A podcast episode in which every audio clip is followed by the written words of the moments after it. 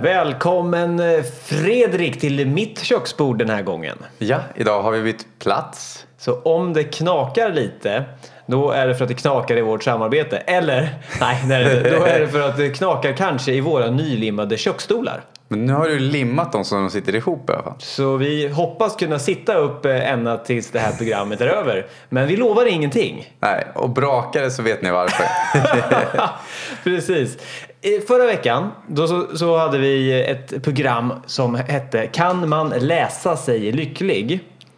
Nu så ska vi fråga oss Kan man äta sig lycklig? Och då inte genom att äta upp de där böckerna som vi pratade om förra veckan utan snarare mat gissar jag. Eller kan man svälta sig lycklig? Det vi stoppar i oss, hur påverkar det vår lycka? Och Vad är dina spontana tankar om det? ja, vad vi äter tror jag till stor del påverkar oss. Men sen så är det även omvänt att vad vi känner påverkar vad vi äter. Just det, att vi eh, kan vara på ett visst sätt i ett visst tillstånd, typ ledsen och då vill jag ha det här att äta. Om personen har en koppling till den maten som kan vara tröst. Nu, nu är ju inte vi några dietister utan snarare mentala coacher. Man brukar ju säga det här, du blir vad du äter. Ja, Hur långt är vi beredda att hålla med i det, kastar jag ur mig nu. jag tror att det är kombinerat vad man äter och vad man tänker. Så vi är inte riktigt eh, till 50 procent eh, beredda att gå in i den där, eller vad känner du? Ja, men jag ser det lite som att självbilden styr mycket våra associationer kring hur vi... Alltså till exempel, om du vill ha en person som ska gå ner i vikt så kallar jag det som ett setpoint. Att de, det ser det som en termostat. Om du ställer in termostaten på viss temperatur i ett rum. Låt säga att du ställer in de som har lägenhet tänker inte på det lika mycket men då är det ju de som sköter själva fastigheten ställer ju in att temperatur kanske ska vara 22 grader. På en utlandsvistelse då tänker alla på airconditionen så det blir en lätt liknelse. Vi tar AC'n då. Ja. Ja men det var en, en, en lätt. Du ställer in AC'n på 22 grader. Vare sig du vill ha mer eller mindre. Men i det här fallet gör du det. Eh, och låt säga att det är 22 grader du vill ha. Då kommer du vara nöjd. För att AC'n kommer ju reglera. Så fort det blir lite varmare eller lite kallare kommer ju den se till så att du når den temperaturen. Är det så att någon går och ska i, Alltså, ja, men du råkar sätta dig på fjärrkontrollen så att du, du drar ner den till 4 grader. Om det går på en sån AC, men det går gör det säkert. eh, då kommer det ju bli hur kallt som helst i rummet. De har en sån AC på Jukkasjärvi ishotell, minus Ja just det, där har vi. Då är det isdrinkar Ja, istället. hittar jag Ja. bara på, men de borde ju ha det. ja men de borde ju ha det. Och i alla skidbackar. Ja. Men är det så då att man sitter på ishotellet men man egentligen vill sitta i en solstol i värmen så kommer inte det funka något bra. Och då, det vi många gör då det är att vi skriker på AC'n. Liksom att Det är kallt. det är kallt, nu får det vara nog. Men, och vi, liksom, vi öppnar fönstret, vi stänger fönstret, vi öppnar dörren, vi stänger dörren, vi öppnar toalettdörren i hotellrummet, liksom, vi stänger den. Och så händer det ingenting. Nu, eh, nu driver jag, nu är det lite ironi i det hela, men det är egentligen det vi gör i våra egna liv. När vi tittar så mycket på att vi ska bryta ut våra beteenden. Men om den inre termostaten är sett på ett visst sätt. Vi gör som ett exempel, du har en person som ska ändra ett visst beteende. Hur många känner inte vi, eller har träffat på, som säger att de ska gå ner i vikt. De klarar, de går på någon diet som de klarar under en viss period. Sen slutar de med dieten, återgår till samma vanor som gjorde att de hade övervikt från början. Och sen efter ett tag så är de tillbaka på plus minus noll. Och vissa av dem till och med har hamnat på ännu mer övervikt än de hade innan. Den klassiska jojo-bantningen. Precis. Och då menar du då förstås att, att termostaten är vår självbild. Så om jag har en självbild, planterade tankar som kanske är omedvetna för mig själv som säger att jag är en överviktig person eller en ohälsosam person eller jag är inte värd att vara snygg eller någonting. Då är det min inre termostat som är inställd på ett högt gradantal eller i det här fallet då för liknelsens skull ett högt antal kilo. Och då spelar det kanske ingen roll om jag håller på och gör bra dieter för att jag kommer ändå komma tillbaks till basnivån som min termostat självbild är inställd på. För då kommer tankarna komma så att ja men en kaka gör ju ingenting. Och sen har vi också olika värderingar kring mat och olika liksom, känslomässiga kopplingar kring mat. Det kan ha varit så att när vi var lite små fick vi uppmärksamhet när vi åt. Låt säga att om du har en person som kanske jag tror mycket på att barn, om de får rätt kost, det vill säga att liksom inte godis och sånt, äter när de är hungriga. Men att vi ibland tvingar i dem mat när de egentligen, ja, det är bra att äta nu så du borde äta.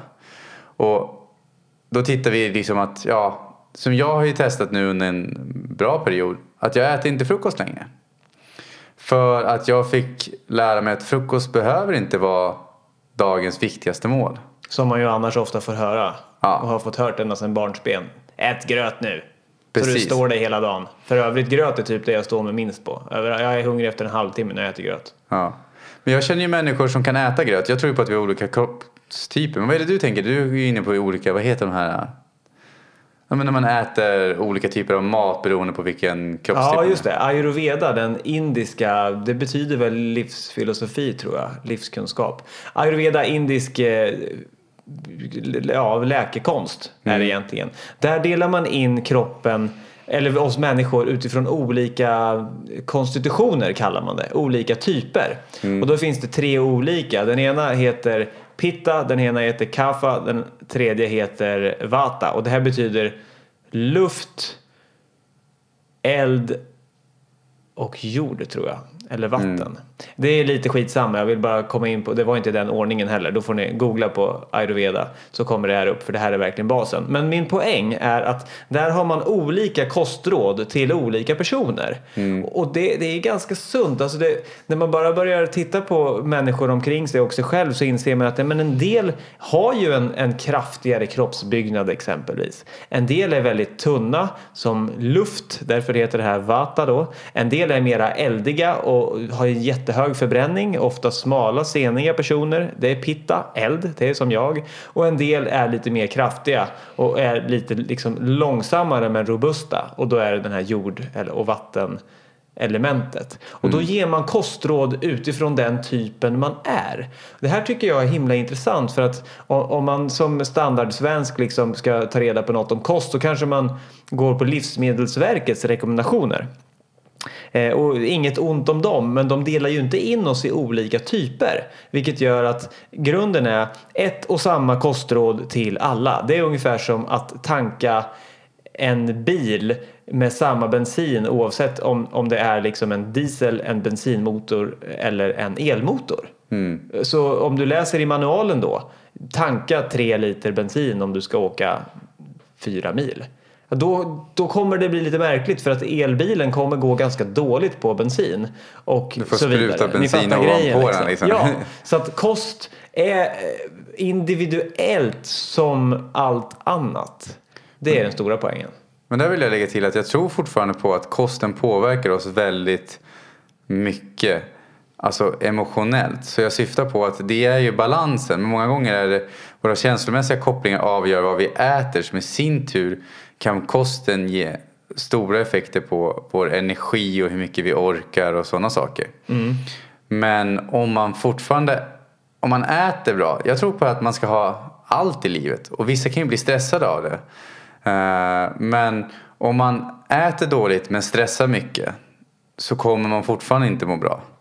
Och vet du, så äter dåligt och stressar mycket, ja då kommer man verkligen inte må bra. Nej, då är, man, då, då är det inget bra. Men är det så att man äter bra men stressar mycket så kommer man fortfarande inte må...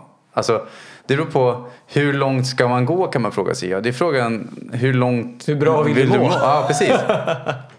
Men jag, det här har jag ju en, en, ins, en ny insikt eh, från veckan som var. Jag har nu i eh, de 12 senaste dagarna varit på ett, eh, ett läger, ett retreat.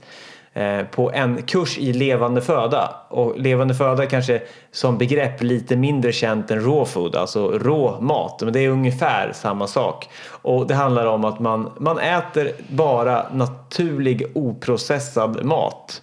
Alltså, och gärna groddade saker. Du vet om du tar en, en, ett frö, typ linser som alla vet vad det är. Och så lägger du det i vatten, då kommer det komma ut ett litet skott på den. Och om man då äter det, då innehåller det en himla massa energi. För att frön blir ju sen till växter och det går åt en massa energi för att en växt ska växa upp. Men om du äter den redan i stadiet då den bara är ett nykläckt frö så att säga, då innehåller den en massa energi som du kan ta i dig innan den hinner använda den själv till att göra sig själv till en växt. Mm. Så att jag har ätit superhälsosamt i, i knappt två veckor. Verkligen extremt nyttigt. Och jag har mått så bra av det. Och så har jag ju skött min liksom övriga mentala hälsa också och mediterat och promenerat i naturen och verkligen tagit det lugnt. Men då till insikten som är, det var en eftermiddag här, vi hjälpte till och eh, jag mer eller mindre jobbade på den här kursen mer än att jag gick kursen egentligen. Det var en, som, en sån här volontärplats. Mm. Och min insikt handlar om att det var en eftermiddag där, där det blev riktigt stressigt i köket. Och det i kombination med att det var mycket nya saker som jag inte hade provat förut att göra. Och att vi skulle hålla tiden då tills middagen skulle serveras för gästerna gjorde att det blev stressigt. Och då kände jag efter det där passet att jag har mediterat, jag har promenerat i skogen, jag är mitt ute i jättevacker natur vid skärgården, jag har ätit perfekt mat. Det här kanske var efter fem dagar eller något sånt där. Men nu mår jag ändå inte särskilt bra. Och det beror på att jag har stressat under eftermiddagen. Det blev så tydligt då att för mig då, min erfarenhet är att då spelar det ingen roll hur, hur bra jag gör allting om jag samtidigt mentalt har gått över min stresströskel. Och det tyckte jag var så fascinerande. Och, Men tror du inte de andra grejerna förebygger för att ge bättre förutsättningar? jo, jo, alltså det hänger säkert ihop och kanske hade jag slagit i tre- eh, stresströskeln tidigare om jag inte hade mått så bra och haft det så bra runt omkring. Men just här att det var inga extrema förhållanden. Det var ju inte någon här super peak i arbetsbörda som, som tog fram det här och jag mådde heller inte jättedåligt. Men det var bara som att okej, här bröts lugnet. Här bröts det där fantastiska måendet och varför? Jo, för att jag stressade upp mig. Och det här har jag ju haft liksom tankar om och kunskap om innan också men nu blev det bara så tydligt eftersom alla yttre förutsättningarna och runt om förutsättningarna var så perfekta och ändå så skälptes det av den höga arbetsbelastningen. Och då blir det, slår det mig hur, hur eh, det som jag har läst och förstått mycket innan av fall, faller ner på lätten ännu djupare. Just att stress slår av kroppens egna funktioner, exempelvis vårat immunförsvar. Vi kan må hur bra som helst men om vi är stressade då kan inte kroppen ta hand om de sakerna som den annars hade tagit hand om. Mm. Vad tänker du om det? Ja, men jag är inne på det också. Jag kan rekommendera er att följa en som heter Bruce Lipton. Som visar på att i stort sett, ja, jag tror det är typ så här, 99% av de sakerna vi säger är ärftliga inte är det. Hmm, det där är ju intressant ja. Eh, han eh, har forskningsmässigt, och det här var typ, jag tror det är 20-30 år sedan. Som han har liksom forskat på olika universitet, på Stanford och alla de här. Där han lyckades bevisa på att sjukdomar, 99% av dem, är inte ärf, vad heter, ärftliga genom gener. Det är kommunikation, så att det folk trodde innan var att det är gener som kontrollerar liv. Det vill säga att du har en du har potentiell risk för att få den här sjukdomen för du har en inaktiv gen som kan aktiveras. Och det han visar snarare var mer på att det är kommunikationen till genen som avgör om du får sjukdomarna. Så om man växer upp i en familj och han går igenom till exempel därför att hur forskning har visat på att folk som undersöker bröstcancer kanske inte alltid får det bättre. Utan i vissa fall så får det andra förutsättningar när folk förväntar sig att det ligger i släkten. Så kan det skapa sån stress som i sin tur bidrar till olika sjukdomar. Just det, för att den stressen kring jag kanske kommer få bröstcancer för min mamma och mormor hade det.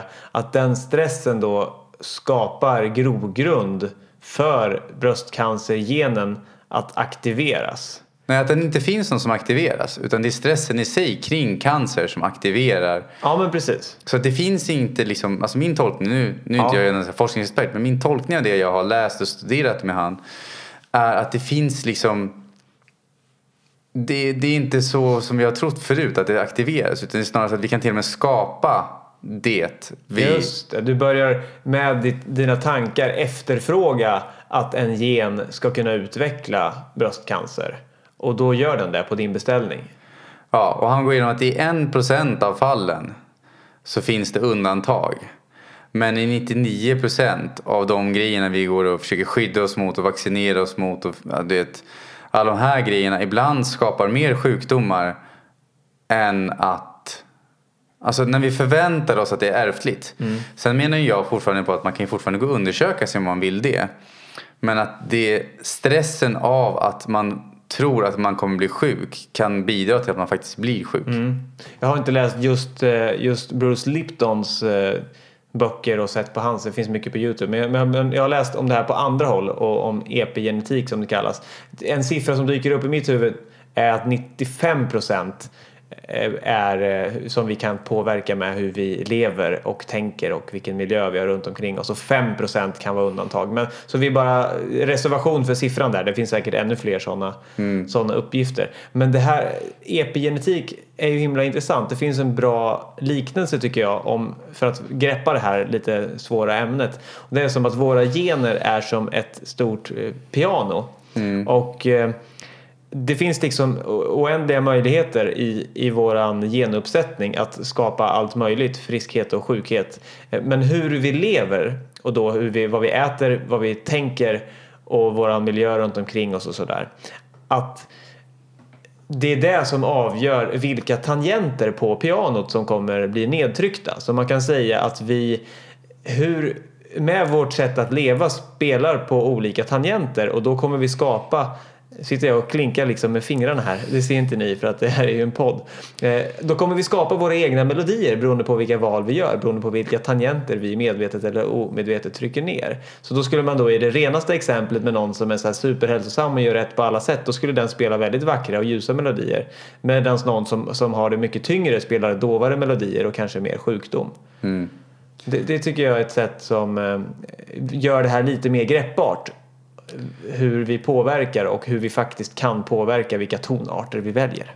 Och placeboeffekten. Mm, hur tar du in det? Jo, jag kommer inte ihåg vad det heter. Det kallas någonting speciellt när det är omvänd placeboeffekt. För placeboeffekten är ju att om du tar en människa och så får de ett sockerpiller och så säger de det så här, det här är supermedicinen, den kommer göra att du blir frisk från alla dina sjukdomar liksom. Eller någon specifik sjukdom. Och så går personen och blir frisk. Om den tror på att det är sant. Och sen visar sig att det är sockerpiller. Men eftersom personen trodde så starkt på att det här pillret det kommer göra mig frisk. Så blev personen frisk. Men det har även visat sig att det kan vara tvärtom. Om personen verkligen förväntar sig att den kommer bli sjuk. Så jag, det heter inte placebo, det är omvänd Det placebo. Just det, det är sånt. så här no, nocebo. Ja, nocebo. Kan, visst, är det det? Ja, men det är någonting liknande. Nocebo, inte liksom. Ja, jag ja. tror det. Ja, men då är det istället när en person får en diagnos. Jag hörde en, det var en berättelse jag hörde igår, tror jag var senast. Så var det en kvinna som hade fått diagnosen att hon skulle dö om sex månader. Så det, liksom, det var bara att liksom förbereda, liksom sälja av sina saker, testamentera och grejer och alla de här sakerna. Och det intressanta var att hon dog sex månader senare. Men det de fick reda på efteråt var att läkaren hade läst upp fel journal för henne. Så hon hade inte den sjukdomen. Ja, det är ett bra exempel. Så hon, alltså hon, hon skulle inte dö. Ja. Men det där uppdagades först efteråt. Men hon dog för att hon förberedde hela sitt liv och förväntade sig att om sex månader då kommer jag dö. Ja. Det är som att man får ett manus liksom och sen så läser man in sig på det manuset och så spelar man den rollen. Och så blir det så som rollkaraktären är skriven. Fast att det inte hade behövt blivit så om vi hade tagit ett annat manus. Eller om vi hade skrivit om manuset. Mm. Och då är vi själv, tillbaks till självbildsliknelsen så kan man väl säga då att självbilden är vad som står i manuset. Och det går att skriva om det men om vi inte gör det då kommer det bli så som det står i manuset. Ja, Jag, ja, jag, jag gillar ju det som du säger där och jag har till och med hört historien. Det var någon som dog i ett frysrum. Han, han frös ihjäl i ett frysrum. Han råkade stänga dörren. Vad heter det? Ja men det var en sån här fryslokal liksom. Ja. Så råkade han slå igen dörren av efter sig. Ja. Så han frös ihjäl i det här frysrummet. Det visade sig efteråt att det hade blivit något fel på termostaten så det var inte så kallt som han förväntade sig. Jaha. Så han borde inte ha frusit ihjäl. Nej. Men eftersom han förväntar sig att det är tillräckligt kallt eller någonting har han gjort det. Men han hade frysit ihjäl under omständigheter där du inte borde ha fryst ihjäl. Ja. Sen om det var förväntningen eller någonting annat eller stress, jag har ingen. Det vet vi inte. Jag var inte där i rummet med honom. Ja. Men just att han lyckas frysa ihjäl i ett frysrum som inte fungerar ordentligt. Ja. Men det här kan vi ju för att liksom eh, fiska oss tillbaka till, till utgångsröda tråden om, om man kan äta sig lycklig och sådär. Just våra förväntningars påverkan kring hunger. Det är någonting som jag har utforskat ett par gånger i livet och nu senast här för, för ett par veckor sedan. Då provade jag att fasta ett dygn. Att inte äta någonting alls, bara dricka och bara vatten då. Under ett dygn. Och då, det blir så intressant att märka hur hur hungerimpulserna just mest är impulser. Alltså jag var som hungrigast under det här dygnet tre timmar efter att jag hade ätit ungefär. Och då visste jag att nej, men det är inget farligt, det är till och med kanske bra att vila sitt matsmältningssystem under ett dygn så att det här, det här är inget farligt alls så att jag struntade ju förstås i de här impulserna. Och då avtog de. Och så kom de då och då med jämna mellanrum under det här dygnet. Men då visste jag att nej men, hallå, det är bara, ni är bara impulser. Ni, bara, ni bara ropar. Det är bara små gubbar i magen som skriker hungrig, hungrig, hungrig. Det betyder inte att det är det bästa för min kropp att eh, nödvändigtvis följa dem. Så det är klart att vi kan inte sluta äta och bara försvinna tills vi inte finns längre och svälta oss. Men om man gör det här som ett experiment så är det himla intressant att lära känna sina impulser. Och då kommer den här frågan i, i sin... Om man drar det liksom till 100 procent, vi brukar säga det också, vi är födda med ett känslosystem som är absolut eh, fantastiskt. Som talar om för oss när någonting är bra så är det bra och när någonting inte känns bra så, så är det inte bra. Och att det här har vi i oss naturligt. Men sen glömmer vi bort det och vi lär oss genom åren att agera mot våra inre känslor och så snurrar vi till det lite. Så att vi tänker så här, det här, är, det här känns inte bra men det är nog bra för mig ändå för jag har fått lära mig att gå emot mina känslor. Och då säger en del att ja, men, jag äter det jag är sugen på. Och jag tror att i sin renaste form så kan kroppen tala om vad den är sugen på. För kroppen har en enorm intelligens. Men det är så många gånger som det bara är en impuls som säger att du brukar äta vid den här tiden. Du har en vana att äta socker klockan tre. Och då har det inte med kroppen att göra. Då är det impulsen, vanan som talar och inte kroppen. Hur sjutton ska vi kunna reda ut det där? Liksom, hur, hur vet vi när det är impuls och när det är behov? Ja, det är där som jag är inne på också när jag träffat människor som... Eh, jag såg en så här kul sketch. Det var inte ens en sketch på Facebook. Det var en så här utklipp ur något program på Facebook igår. Då var det en, en uh, överviktig kvinna. Och jag menar på att det är inget fel på att vara överviktig. Jag har själv varit det en gång i tiden. Så länge man, liksom, det är upp till en själv så det är inget dömande så. Men då gick hon där och liksom storhandlade godis och bara ja, man måste ju få upp blodsockret nu. Du vet, och fyllde liksom massa godis i sin vagn. Och sa ja, tänk om godiset tar slut, hö hö. Det måste man ju handla lite extra nu medan det finns liksom. Och det finns så mycket myter som finns kring maten.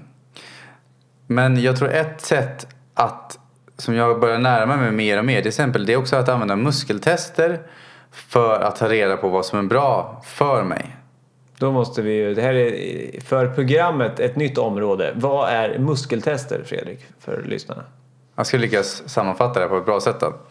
Muskeltester används inom kinesiologin vet jag också. Men då kan man, om du har en kropp, alltså om du sträcker fram din arm rakt fram. Och så lägger de... Jag gör det nu så guidar vi här. Jag sträcker ut min arm rakt fram bara. En knuten näve rakt fram. Och jag rekommenderar er att googla på muskeltester på Youtube. Så att jag kommer göra en lättare sammanfattning nu och så kan ni googla på muskeltester på Youtube för att se vad som finns.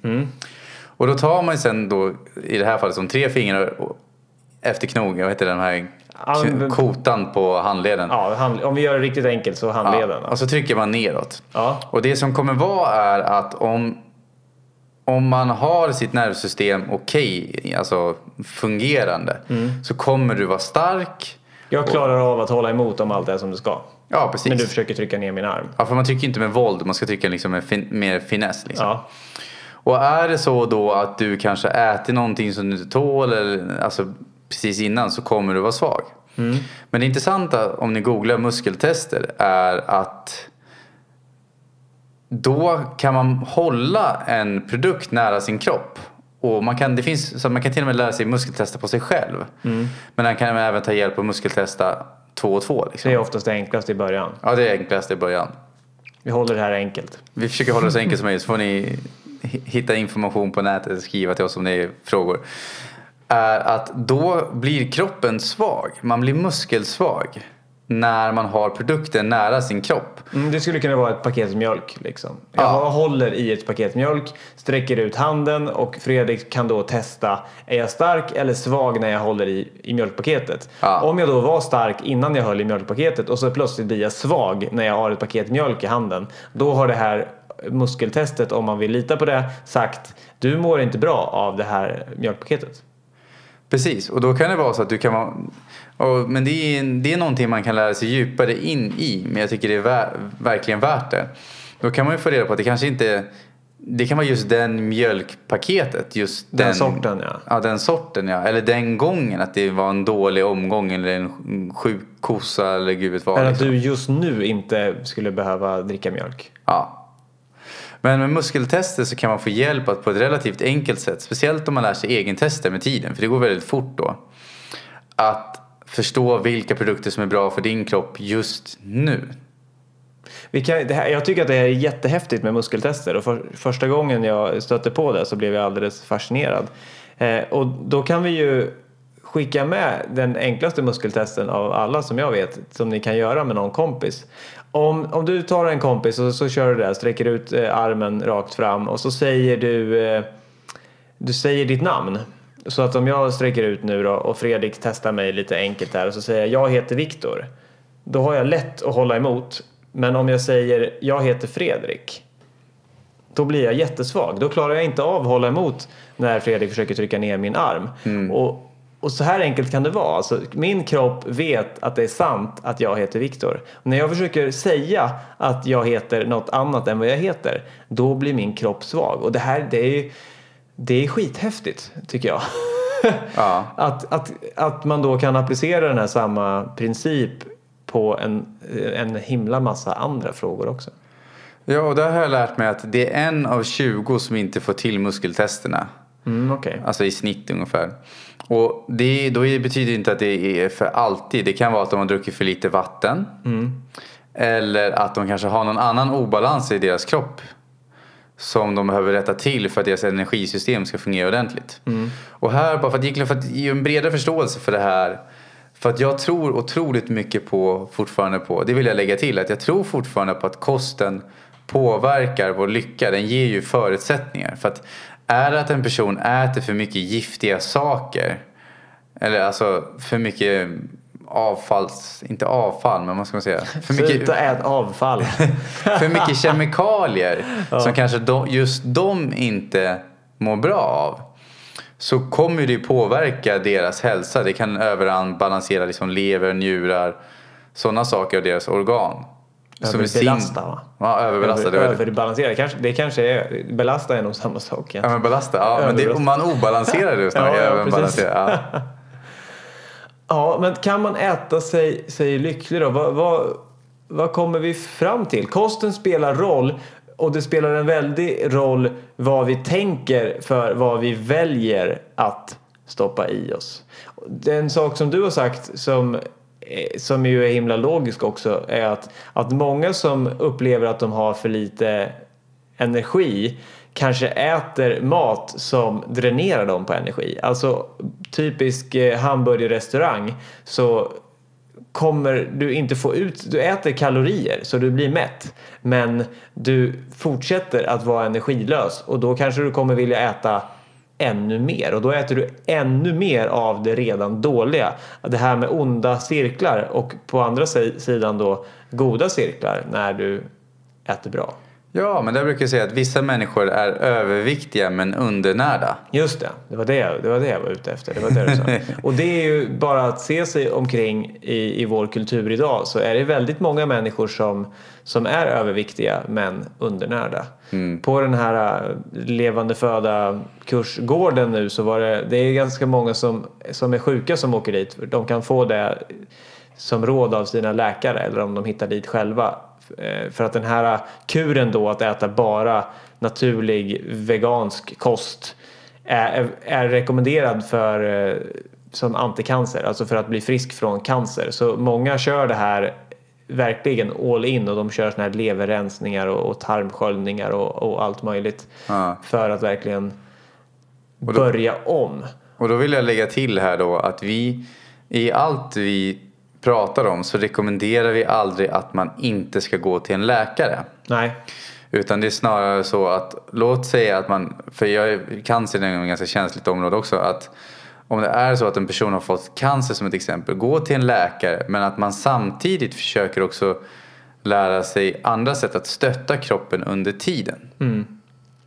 Precis, att, att den här he helhetsbilden, den är ju verkligen, det kanske man hör och tycker att det låter tjatigt men, men det är ju det, det här programmet, vi pratar om, om mat men det var ju i alla fall rubriken. Men ja. sen är vi inne och, och pratar om tankar och vanor och allting. Så att allting hänger ihop. Det går inte att göra ett program om hur man blir mer lycklig som bara handlar om mat. Och det går inte att göra ett program som, som handlar om hur man blir lycklig genom att bara prata om motion. Och det går egentligen inte att bli lycklig genom att bara prata om tankar heller.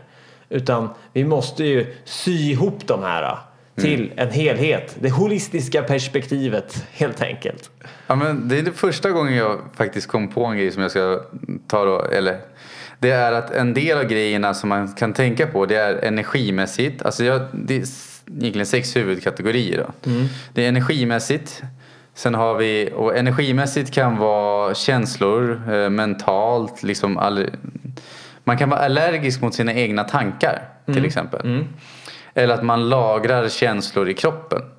Och ett, det hade jag aldrig hört talas om. Vadå lagrar känslor i kroppen? Det kan vara så att eh, Låt säga att när du Oftast en lagrad känsla kanske kommer från att man blir besviken, att någon kanske har dött i sin närhet eller liksom Det är lite lättare saker att relatera till.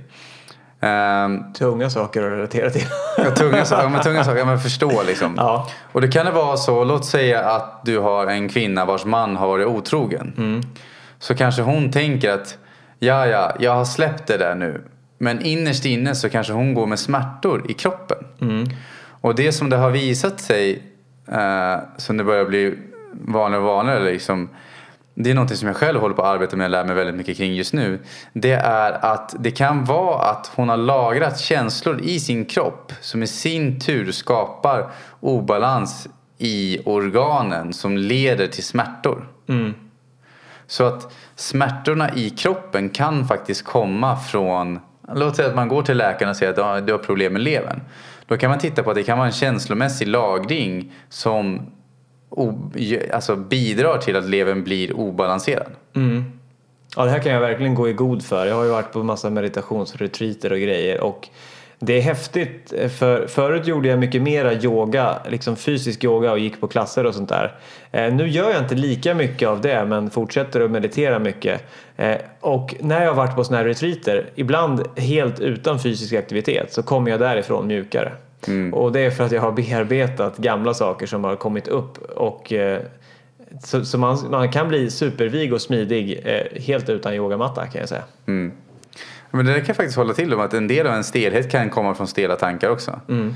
Uh, sen tror jag fortfarande på det holistiska att ja, de sex områdena det är energimässigt, liksom, du har patogener. Patogener kan liksom vara om du har svampar i kroppen eller bakterier och sådana saker som inte en liksom, som du har fått på dig om du har varit på semester eller på någon resa eller Är det sådana någon. parasiter och sånt också? Ja, precis. Just det. Du har en liten lista framför dig här som du läser från. Ja, det brukar jag inte ha men idag blev jag sugen på det. Sen Ja. det kan vara strukturellt kan ju vara om du har en nerver, ben. Jag ska inte läsa upp alla på de grejerna på listan. Ja. Eh, näringsämnen, liksom örter, om du har druckit tillräckligt med vatten, om du har pH-balansen. Mm. Hur balansen är i dina meridianer, det är energiflödena i kroppen.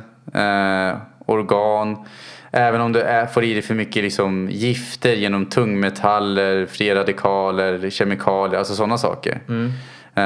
Och det här är bara några grejer. Tillsatta problem som kan störa ut kan vi sammanfatta den punkten med. Liksom. Ja, och jag studerar just det, en program just nu när de går igenom att det de efter 20 års arbete har kommit fram till att när en person har eh, fysisk eller emotionell smärta så kommer det 80%, mellan 80 till 90% av fallen från lagrade känslor som har stängts in i kroppen som man inte har släppt taget om. Wow, 80-90 procent. Det här det är jätteintressant. Eh, ofta så det finns en meditationsmodell som heter Vipassana som betyder typ insikt eller blicka inåt. Och det finns massa historier om folk som har blivit friska från, från olika grejer när de har varit på sådana här läger. De här, just den här typen av meditation brukar vara 10 dagars kurser. Har, ni, kan, ni kan googla på Vipassana Sverige, så Vipassana Ödeshög kan ni googla på. Det finns sådana kurser som är gåvobaserade. Du får efter kursen välja om du vill betala. Så får man ansöka. Eh, Jo men grejen är då bland annat han den här snubben Goenka heter han. Eh, Han är död nu men en, en eh, indier eller kanske burmes. Som grundade just den här typen av retreat 10 dagars gratis. Och som den här modellen körs på i Sverige. Han började med sin meditation och hade ett våldsamt migrän. Han var affärsman. Duktig affärsman och hade gott om pengar och sådär. Men så fick han migrän och det blev bara värre och värre. Och han hade aldrig mediterat. Han var väldigt så här, han var engagerad i hinduismen var det väl där ja. Och han var med i olika välgörenhet och höll, höll på med massa som låg nära men själv höll han aldrig på med meditation. Och det här blev värre och värre, hans migrän. Så att hans doktor kunde inte göra någonting. De hade testat allting och sa nej jag är ledsen, jag kan inte, jag kan inte hjälpa dig. Men du som, eh, du som reser mycket, du som har möjligheten och ekonomin. Jag rekommenderar dig att res runt. Du, du bör åka till Europa.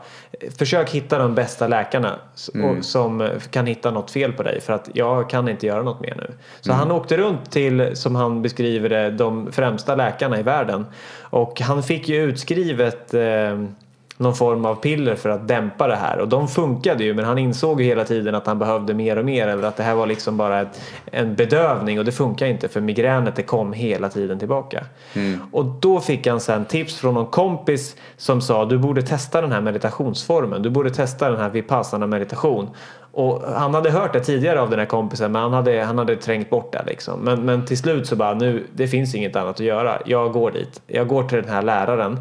Och då sa han att kan jag få komma på din kurs? Ja, det kan du få göra, absolut. Liksom. Och sen så berättade han om att han hade den här migränen. Och han, han, det måste jag bli av med. Och då sa den här eh, läraren då att nej, då får du inte komma. Du får inte komma om du kommer hit för att bota eh, migränen. Det, nej, men du kan, om du kommer hit utan förväntningar på vad som ska hända, då, då får du komma. Eh, men då får du komma hit med öppet sinne och göra de instruktionerna som, som vi har här på kursen. Och han, han behövde väl fundera lite men sen gick han dit i alla fall. Och då visade det sig ju på något sätt, alltså utan att försöka nu ska jag bli frisk från min migrän, utan bara genom att lära sig att meditera så fick han väl förmodligen upp, det är därför jag kopplar den här historien, nedärvda liksom känslominnen som egentligen var orsaken. Saker som låg och tryckte på saker, kanske på nerver och som skavde, som lossnade då genom den här meditationen.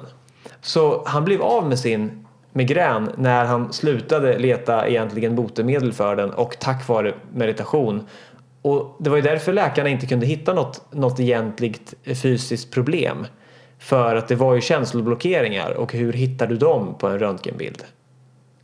Ja, och det är där som jag har lärt mig tekniker nu som gör att jag kan hjälpa människor att hitta dem undermedvetet. Mm. Alltså säga att där funkar det ju för honom. Men jag har även börjat lära, jag har ju själv letat under många år efter sätt att hitta så man själv kan hjälpa människor att hitta de känslomässiga blockeringarna och lösa upp dem. Mm. För att bara veta om att de finns kan i vissa fall lösa upp dem. Just det. Eh, Men det är inte alltid det gör det. Men då finns det ganska simpla tekniker för att göra det. Det där, det där är ju himla intressant. Vi var inne, inne lite på det på förra programmet också. Vi ska inte gå in så djupt på det nu heller, men det här som kallas metafysik. Att eh, så partiklar har visat sig agera olika beroende på om vi tittar på dem eller inte. Det enklaste exemplet tycker jag är att om två forskare gör samma experiment så har det visat sig att man får olika resultat beroende på vilken intention forskarna hade med experimentet. Och det här är ju, det är ju, det är ju riktigt, riktigt häftigt. Mm. Och vad hade jag för poäng med det där nu då? Det ska, det ska jag fråga. Det vet jag faktiskt Det ska inte. jag fråga mig själv. Nej, det kanske kommer tillbaks. Det kanske kommer tillbaka. Ja. Eh, ja, tänk vart det tog vägen. Jag var så engagerad också. Det var spännande än så länge. Ja, visst var det spännande och nu är det spännande för nu är det så här. Vad var det jag tänkte komma till där? Ja. Att, jo, men det, det var ju någonting med att, att när vi... Jo, när man blir medveten om någonting så, så kan det ändra sig. Att, att om jag blir medveten om att det här, den här ilskan jag har nu, den har inte med dig att göra. Jag är inte arg nu, men om jag hade haft det. Utan nu kommer jag på att det var ju när min kompis i treårsåldern, femårsåldern, tioårsåldern, femtonårsåldern, 25-årsåldern eh, lurade mig. Det var ju det minnet som kom upp nu och det var det som gjorde mig arg. Då kan det liksom, jaha, men då är jag inte arg på dig längre. För då fick jag syn på vad det var som, som min känslomässiga blockering handlade om egentligen. Så det var det som var mitt exempel. Att när vi blir medvetna om vad det handlar om, då kan det hända att det att det försvinner direkt. Och där har jag ett annat exempel hur snabbt det kan gå att ändra på saker som belastar oss i livet. Om, om jag har en fest hemma och sen så ligger det en tusenlapp eh, på mitt nattduksbord eh, i sovrummet där jag har inte tänkt att någon ska vara i mitt sovrum på festen. Så den får ligga framme. Och efter, på morgonen efter, då är tusenlappen borta. Då tror jag ju förstås att någon har tagit den. Och om jag dessutom då kan komma på eller får höra att ja men du den här Oscar eller vad han nu kan ha hetat eller hon. Eh, jag såg honom på, på, i ditt sovrum säger någon kompis till mig. Och då tänker jag att det måste vara han. Och så bara, han, ja, men han har nog varit lite skum alltså. Och så blir jag arg och väldigt misstänksam. Och då kommer jag från den stunden tro, jag kanske inte har något bevis, jag kanske inte ens vågar konfrontera den här Oscar med det här. Men någon del av mig kommer vara misstänksam mot den personen i framtiden. Men om jag går in i mitt vardags eh, var det ju eh, och en vecka senare hittar tusenlappen under sängen för att den har blåst ner. Då inser jag ju i samma stund som jag hittar den så bara Oskar är oskyldig. Shit, jag har ju bara trott att det var så här. Och då, alltså på ett ögonblick, poff, så försvinner ju all min misstänksamhet mot Oscar. För det är ju bevisat nu att det inte handlade om Oscar. På samma sätt om jag blir arg på dig och kommer på att det här för minnet till en situation när jag var tio år. Då är det ju inte dig jag är arg på och poff så försvinner det. Och då kan migränet försvinna också. Och där vill jag faktiskt lägga till även kvantfysiken hjälpte mig med problem som var nedärvda. Det här hade jag ingen aning om förut. Och även om det låter mycket det vi pratar om nu så det finns ju böcker. Du kan ju gå in på lyckopodden.se. Där har vi boktips. Där finns en av grejerna som går igenom här heter Emotion Code. Och sen Bruce Lipton finns också med där. Eh, Där ni kan läsa på i lugn och ro. Och tanken som jag hade idag egentligen var att ni ska kunna få ansöka, i alla fall det här, från det här avsnittet, får vi se hur lång tid man har då. Där några av er kommer få tre gratis sessioner i det här. Där i alla fall jag skulle vilja hjälpa till med de här sakerna. Och man kan ansöka om dem för att vi kan inte ge alla den möjligheten. Kan och kan men vi vill ge några den möjligheten i alla fall. Så att mejla gärna till info lyckopodden.se med ja, vad det är du vill förbättra. Är det emotionellt? Är det fysiskt? Och varför skulle du vilja det? Och, och kanske vem av Fredrik och mig som, som du skulle vilja träffa eller om det inte spelar någon roll. Eller båda två. Eller båda två. Då ska det bli riktigt Det blir- lyxigt. ja. Men info lyckopodden.se. Kom ihåg att skriva ditt namn och skriv även ditt telefonnummer och motivera varför. Det, behöver inte vara så noga exakt hur du rad skriver. Skriv några rader om varför du hör av dig. Och det jag vill lova innan det är att vi kan inte garantera någonting. Nej. Utan det är så att vi brukar alltid vi säger, vi, vi gör vårt bästa precis som om du går till en vanlig läkare så kan inte de lova dig någonting heller. Utan vi kan bidra till din utveckling och förstärka din kropp. Men det finns aldrig någon garanti med någonting. Nej, och, och det här är ju inte... Det är inte någon ersättning för någonting heller. Det är mer ett komplement. Nej, men det jag känner är att, att det är det här är det bästa sättet har jag kommit fram till för mig att faktiskt också ha chans att, att komma någonting på spåret av samma anledning som den här meditationsgurun Goenka som gick till sin lärare och sa jag vill bli av med det här problemet. Och då sa han nej, du ska inte komma för att bli av med det här problemet. Du får komma med öppet sinne och så får vi se vart vi hamnar. För då kanske man kommer åt den riktiga orsaken istället för att försöka bota symptomet. Så att det har jag lärt mig under min självutvecklingsresa och coachingresa att att, att ha en väldigt öppen eh, första träff, ett öppet sinne, det, det kan, eh, ja det är en framgångs, potentiell framgångsgrej. Mm. Det låter väldigt bra. Ja. Och det känns nästan som det är dags att... Ja, men det känns skönt att kunna avsluta det här programmet där vi går in på djupare och djupare saker med en, en möjlighet faktiskt att ge er lyssnare eh, chansen att, att träffa oss och eh, fortsätta utvecklas tillsammans och utforska ämnet mer eller vad det nu kan vara. Och vi gillar ju verkligen det och vill också komma i mer kontakt med er. Så även om du inte själv eh, just vill nappa på det här erbjudandet så fortsätt och hör av dig om du har frågor. Kommentera skriv, gärna. kommentera och skriv gärna på Facebook i olika former och sådär. Du kan Mm. även ha eh, förslag på vad du vill att vi tar upp eller eh, lyssnarfrågor. Det är någonting som vi jättegärna har också. Mm. Alla dörrar står öppna. Det gör de. Och i... För att vi, hur ska vi sammanfatta då? Kan man äta sig lycklig? Eh, då sammanfattningen kan man äta sig lycklig. Jag tänker så här, du blir vad du äter. Då vill vi säga, nja, så enkelt är det inte. Kan man äta sig lycklig? Nej, inte bara genom mat. Då måste du äta näringsrika tankar också. Ja, och undvika för mycket gifter. Om vi säger så här, det var de här sex kategorierna jag gick igenom. Nu blandar jag och läste underkategorier också. Ja. Men att det är lite mer att tänka på än så. Och även om det låter mycket när man väl är inne i det så ger det så mycket energi, det ger så mycket kraft att jag brukar jämföra när någon säger åh det är så mycket, varför ska man göra det här? Du vet, då är jag mer inne på att vad kostar det inte oss att inte göra det? Att inte ens prova. Alltså, vilket är priset att inte undersöka det här? Mm. Ja, men det får nog bli, det får nog bli avrundningen. Avrundningen för mig blir kan man äta sig lycklig? Nej, men man kan bli lycklig av att analysera vad man äter för utifrån det så kan man få syn på himla mycket om sig själv. Och då vill jag lägga till. Vi jag, lägger alltid till så mycket. Ja, men jag, jag har ju en annan jag åsikt. Alltså uttrycket är så här. Vi kan inte kan man äta sig lycklig? Ja. Då skulle jag säga ja, det är en av grundpelarna men det är inte allt. ja. Förstår du? Att det, är, det går inte bara att äta sig lycklig men jag tror fortfarande att det är en av grundpelarna för ett bra liv. Jag fattar grejen. Nu går vi och äter. Ja, Oss det gör vi. lyckliga. Ha det gott. Hej hej. Hej då, hej då, hej då.